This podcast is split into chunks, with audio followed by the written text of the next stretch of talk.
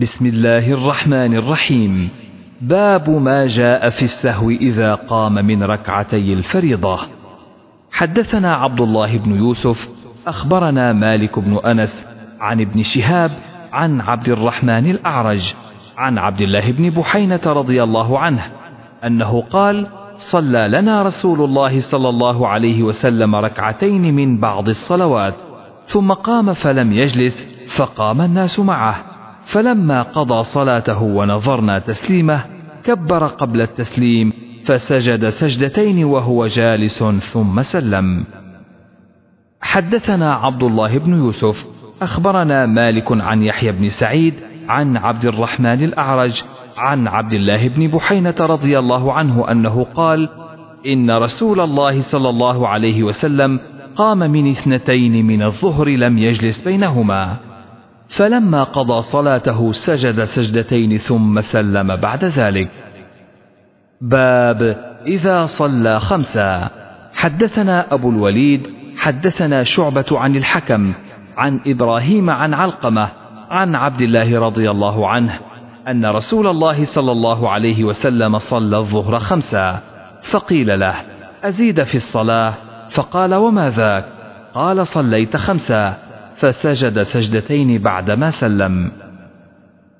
باب إذا سلم في ركعتين أو في ثلاث فسجد سجدتين مثل سجود الصلاة أو أطول. حدثنا آدم حدثنا شعبة عن سعد بن إبراهيم عن أبي سلمة عن أبي هريرة رضي الله عنه قال صلى بنا النبي صلى الله عليه وسلم الظهر أو العصر فسلم. فقال له ذو اليدين الصلاة يا رسول الله أنا قصد فقال النبي صلى الله عليه وسلم لأصحابه أحق ما يقول؟ قالوا نعم فصلى ركعتين أخريين ثم سجد سجدتين. قال سعد ورأيت عروة بن الزبير صلى من المغرب ركعتين فسلم وتكلم ثم صلى ما بقي وسجد سجدتين وقال هكذا فعل النبي صلى الله عليه وسلم. باب من لم يتشهد في سجدتي السهو. وسلم أنس والحسن ولم يتشهدا وقال قتادة لا يتشهد. حدثنا عبد الله بن يوسف أخبرنا مالك بن أنس عن أيوب عن أبي تميمة السختياني عن محمد بن سيرين عن أبي هريرة رضي الله عنه أن رسول الله صلى الله عليه وسلم انصرف من اثنتين فقال له ذو اليدين أقصرت الصلاة أم نسيت يا رسول الله؟ فقال رسول الله صلى الله عليه وسلم أصدق ذو اليدين؟ فقال الناس نعم. فقام رسول الله صلى الله عليه وسلم فصلى اثنتين أخريين ثم سلم ثم كبر فسجد مثل سجوده أو أطول ثم رفع. حدثنا سليمان بن حرب حدثنا حماد عن سلمة بن علقمة قال قلت لمحمد في سجدتي السهو تشهد. قال ليس في حديث أبي هريرة. باب من يكبر في سجدتي السهو. حدثنا حفص بن عمر حدثنا يزيد بن إبراهيم عن محمد عن أبي هريرة رضي الله عنه قال صلى النبي صلى الله عليه وسلم إحدى صلاتي العشي. قال محمد وأكثر ظني العصر ركعتين. ثم سلم ثم قام إلى خشبة في مقدم المسجد فوضع يده عليها.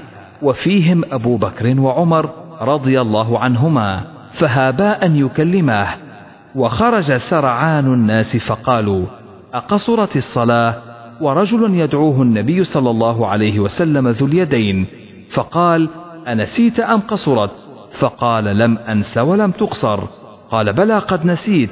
فصلى ركعتين ثم سلم ثم كبر فسجد مثل سجوده أو أطول ثم رفع رأسه فكبر ثم وضع رأسه فكبر فسجد مثل سجوده أو أطول ثم رفع رأسه وكبر.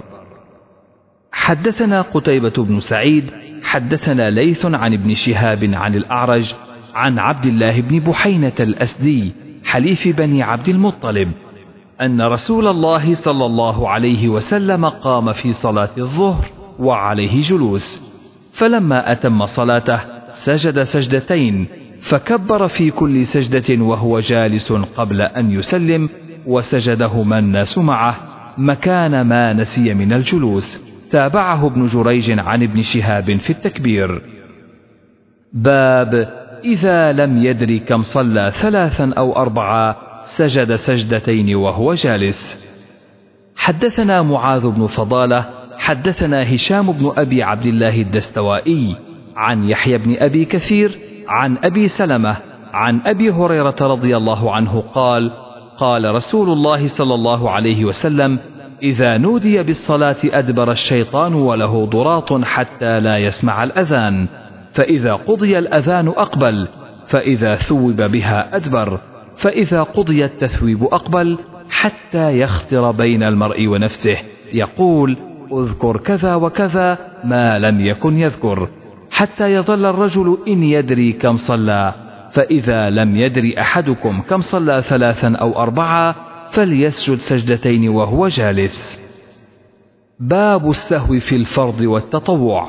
وسجد ابن عباس رضي الله عنهما سجدتين بعد وتره. حدثنا عبد الله بن يوسف أخبرنا مالك عن ابن شهاب عن أبي سلمة بن عبد الرحمن عن أبي هريرة رضي الله عنه أن رسول الله صلى الله عليه وسلم قال إن أحدكم إذا قام يصلي جاء الشيطان فلبس عليه حتى لا يدري كم صلى فإذا وجد ذلك أحدكم فليسجد سجدتين وهو جالس. باب إذا كلم وهو يصلي فأشار بيده واستمع. حدثنا يحيى بن سليمان قال حدثني ابن وهب قال أخبرني عمرو عن بكير عن كريب أن ابن عباس والمسور بن مخرمة وعبد الرحمن بن أزهر رضي الله عنهم أرسلوه إلى عائشة رضي الله عنها فقالوا اقرأ عليها السلام منا جميعا وسلها عن الركعتين بعد صلاة العصر. وقل لها إنا أخبرنا أنك تصلينهما وقد بلغنا أن النبي صلى الله عليه وسلم نهى عنها. وقال ابن عباس وكنت أضرب الناس مع عمر بن الخطاب عنها فقال كريب فدخلت على عائشة رضي الله عنها فبلغتها ما أرسلوني فقالت سل أم سلمة فخرجت إليهم فأخبرتهم بقولها فردوني إلى أم سلمة بمثل ما أرسلوني به إلى عائشة. فقالت أم سلمة رضي الله عنها سمعت النبي صلى الله عليه وسلم ينهى عنها ثم رأيته يصليهما حين صلى العصر ثم دخل وعندي نسوة من بني حرام من الأنصار. فأرسلت إليه الجارية فقلت قومي بجنبه قولي له تقول لك أم سلمة يا رسول الله سمعتك تنهى عن هاتين وأراك تصليهما فإن أشار بيده فاستأخري عنه ففعلت الجارية فأشار بيده فاستأخرت عنه. فلما انصرف قال يا بنت أبي أمية سألت عن الركعتين بعد العصر وإنه أتاني ناس من عبد القيس فشغلوني عن الركعتين اللتين بعد الظهر فهما هاتان. باب الإشارة في الصلاة. قاله كريب عن أم سلمة رضي الله عنها عن النبي صلى الله عليه وسلم. حدثنا قتيبة بن سعيد حدثنا يعقوب بن عبد الرحمن عن أبي حازم عن سهل بن سعد الساعدي رضي الله عنه أن رسول الله صلى الله عليه وسلم بلغه أن بني عمرو بن عوف كان بينهم شيء. فخرج رسول الله صلى الله عليه وسلم يصلح بينهم في أناس معه. فحبس رسول الله صلى الله عليه وسلم وحانت الصلاة. فجاء بلال إلى أبي بكر رضي الله عنه فقال يا أبا بكر إن رسول الله صلى الله عليه وسلم قد حبس وقد حانت الصلاة. فهل لك أن تؤم الناس؟ قال نعم إن شئت. فأقام بلال وتقدم أبو بكر رضي الله عنه فكبر للناس. وجاء رسول الله صلى الله عليه وسلم يمشي في الصفوف حتى قام في الصف فأخذ الناس في التصفيق. وكان أبو بكر رضي الله عنه لا يلتفت في صلاته فلما أكثر الناس التفت. فإذا رسول الله صلى الله عليه وسلم فأشار إليه رسول الله صلى الله عليه وسلم يأمره أن يصلي. فرفع أبو بكر رضي الله عنه يديه فحمد الله ورجع القهقرى وراءه. حتى قام في الصف فتقدم رسول الله صلى الله عليه وسلم فصلى للناس فلما فرغ أقبل على الناس فقال يا أيها الناس ما لكم حين نابكم شيء في الصلاة أخذتم في التصفيق؟ إنما التصفيق للنساء من نابه شيء في صلاته فليقل سبحان الله فإنه لا يسمعه أحد حين يقول سبحان الله إلا التفت. يا أبا بكر ما منعك أن تصلي للناس حين أشرت إليك؟ فقال أبو بكر رضي الله عنه ما كان ينبغي لابن أبي قحافة أن يصلي بين يدي رسول الله صلى الله عليه وسلم. حدثنا يحيى بن سليمان قال حدثني ابن وهب حدثنا الثوري عن هشام عن فاطمة عن أسماء قالت دخلت على عائشة رضي الله عنها وهي تصلي قائمة. والناس قيام. فقلت ما شأن الناس؟ فأشارت برأسها إلى السماء. فقلت آية. فقالت برأسها أي نعم. حدثنا إسماعيل. قال حدثني مالك عن هشام عن أبيه عن عائشة رضي الله عنها زوج النبي صلى الله عليه وسلم أنها قالت صلى رسول الله صلى الله عليه وسلم في بيته وهو شاك جالسا. وصلى وراءه قوم قياما فأشار إليهم أن اجلسوا. فلما انصرف قال إنما جعل الإمام ليؤتم به فإذا ركع فاركعوا وإذا رفع فارفعوا.